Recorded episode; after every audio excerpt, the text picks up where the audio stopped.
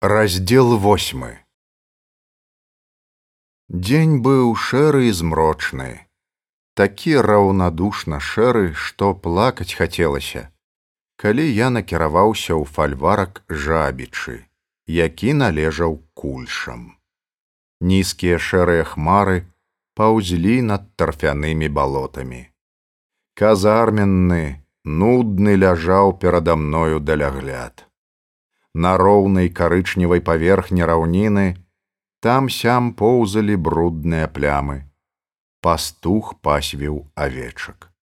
Я ішоў краем волатавай прорвы і воку літаральна не было на чым адпачыць. Нешта цёмнае ляжала ў траве. Я падышоў бліжэй. Гэта быў вялізны метры тры ў даўжыню каменны крыж павалілі яго даўно, бо нават яма, у якой ён стаяў, амаль зраўнавалася з зямлёю і зарасла травой. Літары на крыжы былі ледзь бачныя. Раб Божы раман памёр тут наглай смерцю. Лёзныя людзі, маліцеся за душу яго, каб і за вашу хтось памаліўся злашча модлы вашы асабліва Богу да душы. Я доўга стаяў ля яго. Вось значыцца месца, дзе загінуў раман стары. Пане, пане літасцівы пачуў я голас за спіною. Я павярнуўся. Жанчына ў фантастычных лахманах стаяла за мною і працягвала руку.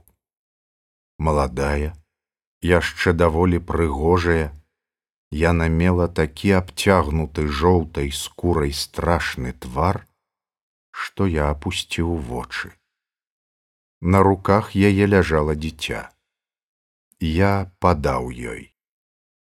Мо хлеба трошкі будзе ў пана я баюся не дайду і ясік памірае а што з ім не ведаю бязгучна сказала яна у маёй кішэні знайшлася цукерка я даў яе жанчыне але дзіцёнак не еў што ж мне рабіць з табою любая? Селянін на валакушы ехаў дарогаю Я паклікаў яго, даў яму рубель і попрасіў завесці жанчыну ў балотныя яліны, каб яе там накармілі і далі дзе-небудзь адпачыць. Дай вам Божа здароўечка, пане, бязвольна сказала жанчына. Нам нідзе тут не давалі есці. Пакарай Божа тых, хто зганяе людзей з зямлі. А хто сагнаў? Пан? Які пан? Пан антось. Худы такі. А як яго прозвішча дзе ваша вёска? Не ведаю. Тут за лесам добрая вёска. У нас і грошы былі пять рублёў. Але сагналі. І ў вачах яе было здзіўленне перад тымі хто не ўзяў нават пяці рублёў і сагнаў іх з зямлі. А муж дзе? Забілі. Хто забіў? Мы крычалі плакалі не хацелі ісці. Язэп таксама крычаў. Пасля стралялі. Ён лёг. А ўночы прыйшло дзікае паляванне і зацягнула ў багну самых большых крыкуноў. Яны зніклі. Больш ніхто не крычаў. Я паспяшыў адправіць іх, а сам пайшоў далей, не памятаючы сябе ад роспачы. Божа мой, якая цемра, якая забітасць, як звараціць гэту гару у дубатоўка мы зжэрлі столькі, што хапіла б сорак ясікаў выратаваць ад смерці. галоднаму не даюць хлеба ягоны хлеб аддаюць салдату які страляе ў яго за тое што ён галодны. Дзяржаўная мудрасць і гэтыя няшчасныя маўчаць. За якія грахі караешся ты мой народ за што ты мяцешся па ўласнай зямлі як асенняе лісце які забаронены яблык з'еў першы адам майго племя? Адны жерлі не ў сябе другія паміралі пад іхнімі вокнамі. Вось павалены крыж над адным які шалеў ад тлушчу а вось паміраючы дзіцёнак вякамі ішла гэтая мяжа паміж аднымі і другімі І вось канец лагічнае завяршэнне, адзічэнне, цемра ва ўсёй дзяржаве, тупы жах, голад, вар'яцтва. І ўся Беларусь адзінае поле смерці, над якім вые ветер, гной под нагамі тлустай, задаволенай усім худобы. Не памоляцца над табою лёзныя людзі раман стары плюне кожны на твой пахілы крыж і дай божа мне сілы выратаваць апошнюю з твайго роду якая ні ў чым не вінаватая перад няўмольнай праўдай матчыхі нашай беларускай гісторыі Няўжо такі забіты Няўжо такі мёртвы мой народ. Мне давялося хвілін сорак прадзірацца праз невысокі, вельмі вільготны лясок за волатавай прорвай, пакуль я не выбіўся на сцежку зарослую і вузкую. Паабапал яе стаялі амаль абляцелыя асіны. Сярод іх чырвонага масіву плямамі выдзяляліся жоўтыя бярозы і амаль зялёныя яшчэ дубы. Сцежка спусцілася ў яр, дзе бег ручай з карычневай як густы чай вадою. Берагі ручаіны былі зялёнымі і мяккімі ад імхоў, і такія самыя зялёныя масты з бураломных дрэў злучалі іх. Па бураломінах ручай і пераходзілі бо на некаторых мох быў здёрты. Глуха і бязлюдна было тут. Зрэдку цінькала ў верхавінах дрэў маленькая птушка, ды яшчэ самотныя лісцікі падалі і павісалі на павуціне паміж дрэў. Вада ручаіны несла сумныя жоўтыя і чырвоныя чоўнікі лісцяў, а ў адным месцы дзе быў вір, лісце круцілася ў вечным танцы, быццам там вадзянік варыў з яго суп на вячэру. Каб перайсці цераз ручай, мне давялося зламаць на падпорку даволі тоўстую, але зусім сухую асінку, зламаць адным ударам нагі. За ярам лес зрабіўся зусім густым сцежка знікала ў непралазным гушчары, яе акружалі джунглі з малінніку, сухой крапівы, ажыны, дудніку і іншай дрэні.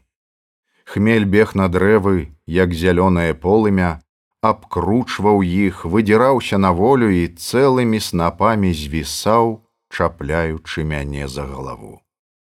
Хутка з'явіліся першыя адзнакі жыцця кусты здзічэлага бэзу сярод дрэў, прамакутнікі лепш угноенай зямлі, былыя курціны, спадарожнік чалавека, вялізны дзядоўнік. Хутка бэз стаў такім густым, што не пралезеш. Я ледзь выдзерся з яго на маленькую галявіну, на якой стаяў надзейна схаваны дом на каменным высокім падмурку з каменным ганкам і драўлянымі калонамі, якія за памяці дзядоў былі, напэўна, пафарбаваныя ў белы колер, Ён нахіліўся на мяне як смяротна паранены, які вось-вось упадзе. Перакошаныя ліштвы, абадраная ашалёўка, шыбы, вясёлкавыя ад старасці. На парадным ганку паміж прыступкамі выраслі лопухі, ваўчкі, магутны скрыпень, які амаль закрываў дзверы. А да чорных дзвярэй праз калюжу былі пакладзены дзве цагліны. Дах быў зялёны, тоўсты ад тлустых пушыстых імхоў. У шэрае акенца ўнутранасць хаты здавалася панурай і занядбанай. Словам, хатка на курыных ножках. Не хапала толькі бабы ягі, якая ляжала б на дзявятай цаглене і казала: фу-фу, чалавечым духам тхне. Але хутка з'явілася і яна. У акно на мяне глядзеў твар жанчыны такі сухі, што здаваўся чэрапам, абцягнутым жоўтай скурай. Сівыя патлы валасоў падалі на плечы. Пасля з'явілася рука, якая ківала мне сухім, як курыная костка пальцам. Я стаяў з надворку, не ведаючы, да мяне ці да каго іншага звернуты гэты зварушлівы прызыў. Пасля адчыніліся дзверы і на двор высунулася тая самая галава. Сюды літасцівы пан грыгор сказала галава. Тут забіваюць няшчасных ахвяр! Не скажу каб пасля такога суцяшальнага запэўнення мне палка захацелася зайсці ў гэты дом але старая сышла з прыступкі і працягнула мне надлужанаю руку. Я даўно чакала вас, мужны збаўца.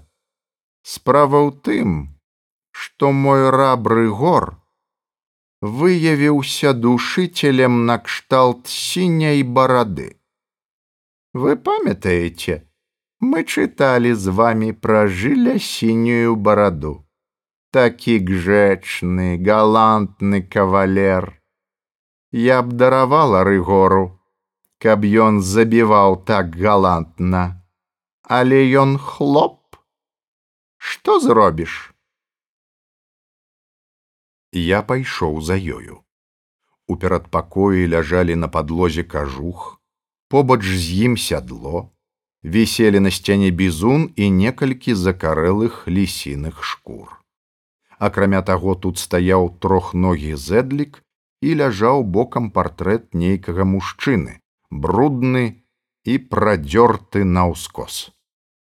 А ў наступным пакоі быў такі гармідар, як быццам тут змяшчаўся чатырыста год таму філіял грунвальдскай бітвы і з тых часоў тут больш не змяталі пылі і не мылі шып.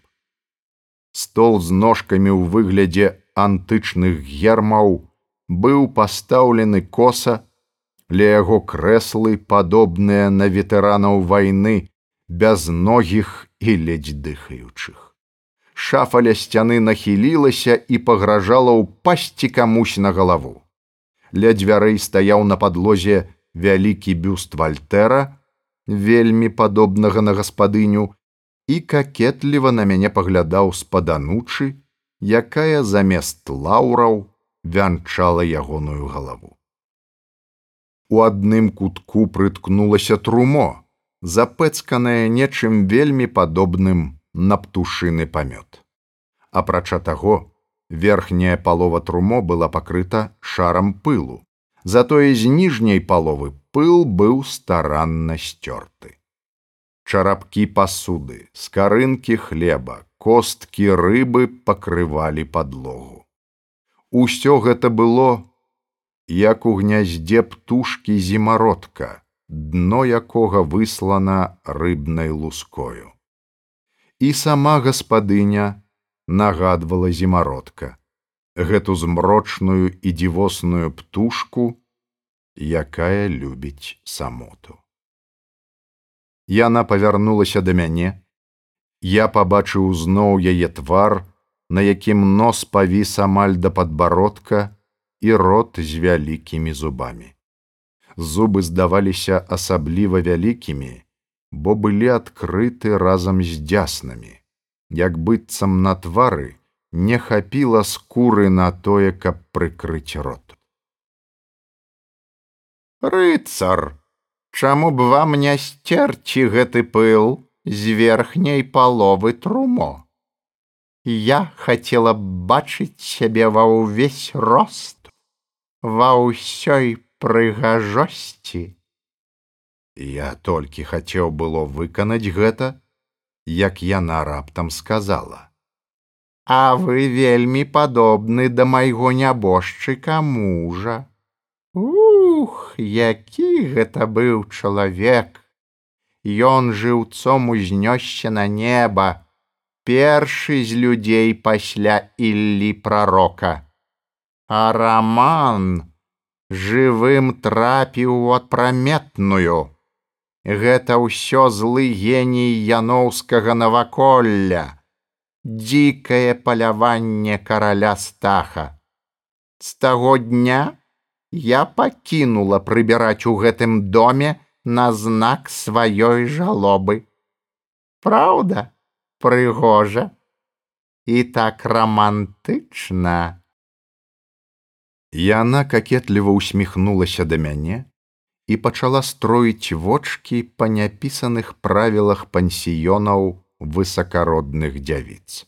Вочки на субяседніка, пасля ў бок з лёгкім нахілам галавы, зноў на субяседніка, у верхні кут залы і ў зямлю. Гэта была злосная пародыя на чалавечыя пачуцці. Усё адно як малпа пачала б нечакана спяваць песню афеліі ў англійскім арыгінале. Тут прыгожа, толькі жахліва, уй, як жахліва, бр! Бррр! Яна раптам кінулася ад мяне на падлогу і залезла галавою пад купу нейкіх брудных ануч. Прэч, прэч адсюль, вы кароль стах. Жанчына білася і крычала. Яе жоўтая нага выглядала з пыльных рызманоў. Я з жахам падумаў, што, магчыма, такі будзе лёс усіх людзей наваколля, калі незразумелы жах будзе і далей чорным крылом вісець над гэтай зямлёй. Я збіраўся адступіць, як нечая рука лягла на маё плячо, і грубы мужчынскі голас сказаў: « Чаго вы тут? Хіба вы не бачыце, што яна трохі, Дзевачка. Хлоп пайшоў у перадпакой, прынёс адтуль прадзёрты партрэт мужчыну ў фраку і з уладзімерам у пятліцы і паставіў яго на стол. Пасля выцягнуў жанчыну з рызманоў, пасадзіў яе перад партрэтам. Пані кульша, гэта не кароль стах, не, гэта з'явіўся пан фельдмаршал паглядзець на славутую тутэйшую красоню. А кароль стах вось ён на партрэце. Ён зусім мёртвы і нікога не можа забіць. Жанчына паглядзела на партрэт. Сціхла.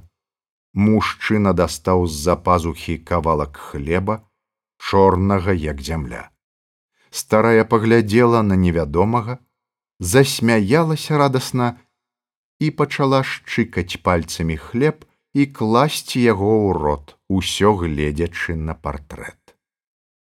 Кароль стах, мужанёк ты мой, што вароціш свой твар. Яна то драпала партрэт, то радасна нешта шаптала яму і ўсё ела хлеб. Мы атрымалі магчымасць размаўляць. Я глядзеў на мужчыну, апранутага ў сялянскую світку і поршні, скураныя палескія лапці, а ён глядзеў на мяне. Мужчына быў год пад трыццаць, выключна высокі і добра складзены, з магутнымі пукатымі грудьмі, трохі гарбаватай, калі сядзеў спіною і загарэлай шыяй. Доўгія вусы рабілі твар суровым і жарсткаватым. Гэтаму ўражанню дапамагалі яшчэ дзве зморшчкі паміж броваў і шырока пастаўленыя пякучыя вочы.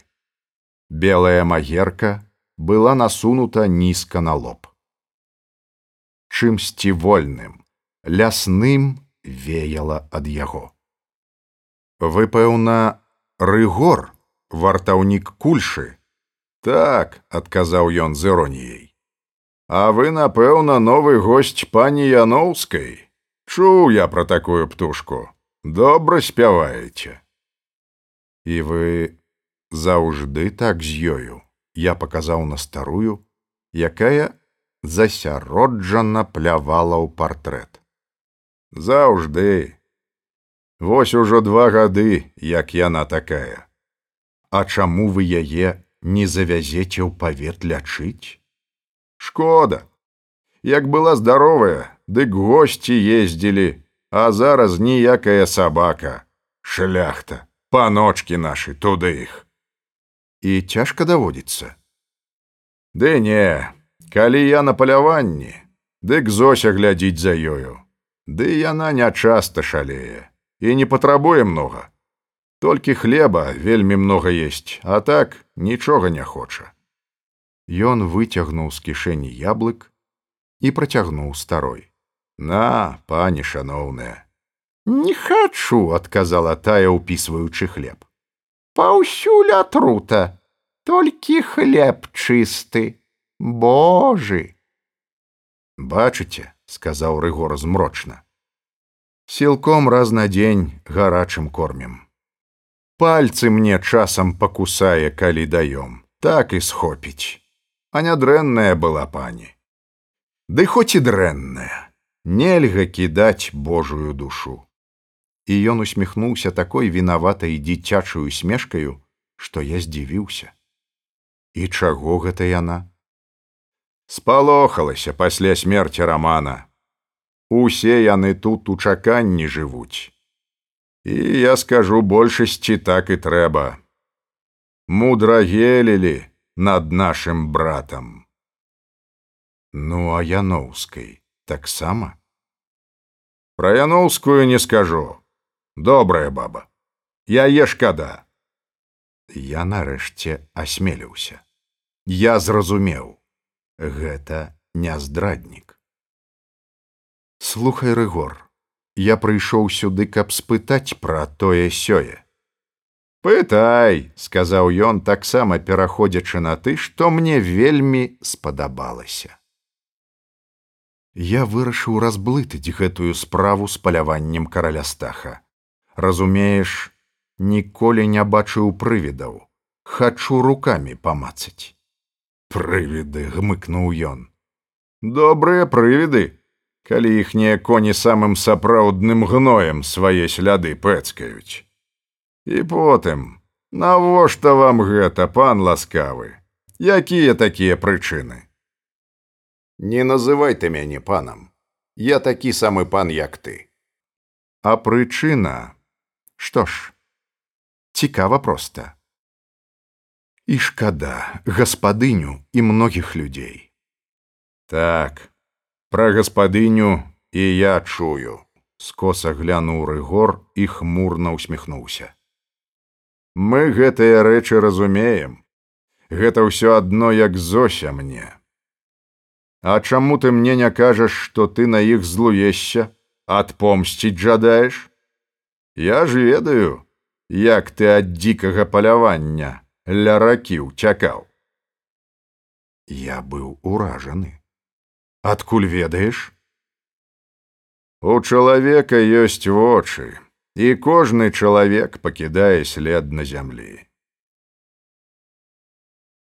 Толькі нявісныя не бачаць. Уцякаў ты як чалавек з розумам. А вось горш тое што я іхнія сляды заўжды губляю. І пачынаюцца яны і канчаюцца на гасцінцы. Я распавёў яму пра ўсё з самага пачатку. Рыгор сядзеў нерухома, вялікія шурпатыя руки яго ляжалі на каленях. Я даслухаў, сказаў ён проста, калі я скончыў. Ты мне падабаешся, пан. З мужикоў ці што? І я так думаю, што ты калі не з мужикоў, дык ля мужикоў блізка ляжаў. І сам я даўно думаў гэтых зданяў трахануць, каб пер'е паляцела, ды таварыша не было. Калі не жартуеш, давай разам. Але ж бачу я, ты гэта толькі зараз прыдумаў звярнуцца да мяне. Чаму раптам так прыдумаў? І чаго хацеў да гэтага? Чаму вырашыў, сам не ведаю. Пра цябе казалі, што ты яноўскую, калі яна сіратой засталася шкадаваў. Надзея раманаўна казала, што ты нават хацеў вартаўніком у балотныя яліны перайсці, ды не атрымалася. Ну і потым спадабалася мне, што ты незалежны, што хворую так даглядаеш. А да гэтага я проста жадаў спытаць, чаму якраз у той вечар, калі загінуў раман, дзяўчынка затрымалася ў кульшаў. Чаму затрымалася?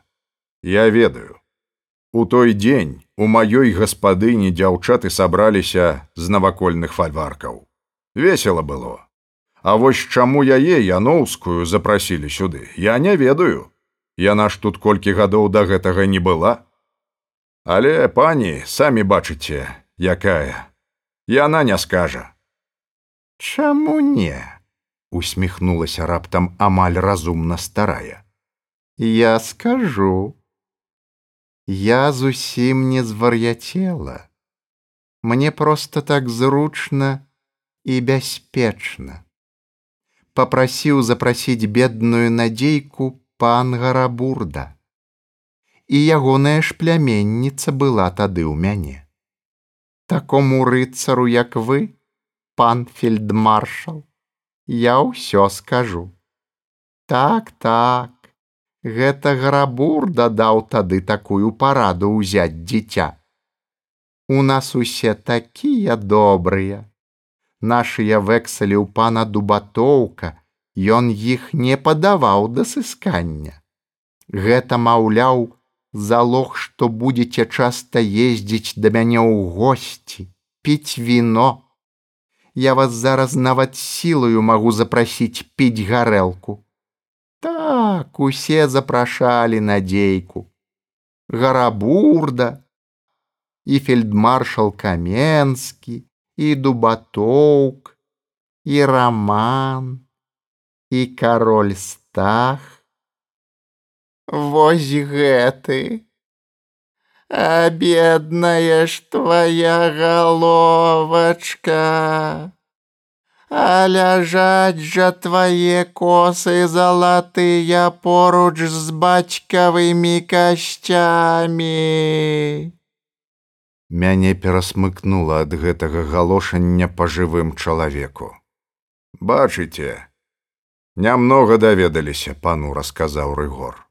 Выйдзем на хвіліну. Калі мы выйшлі, лямант старой сціхнуў, рыгор буркнуў. Дык давайте шукаць разам.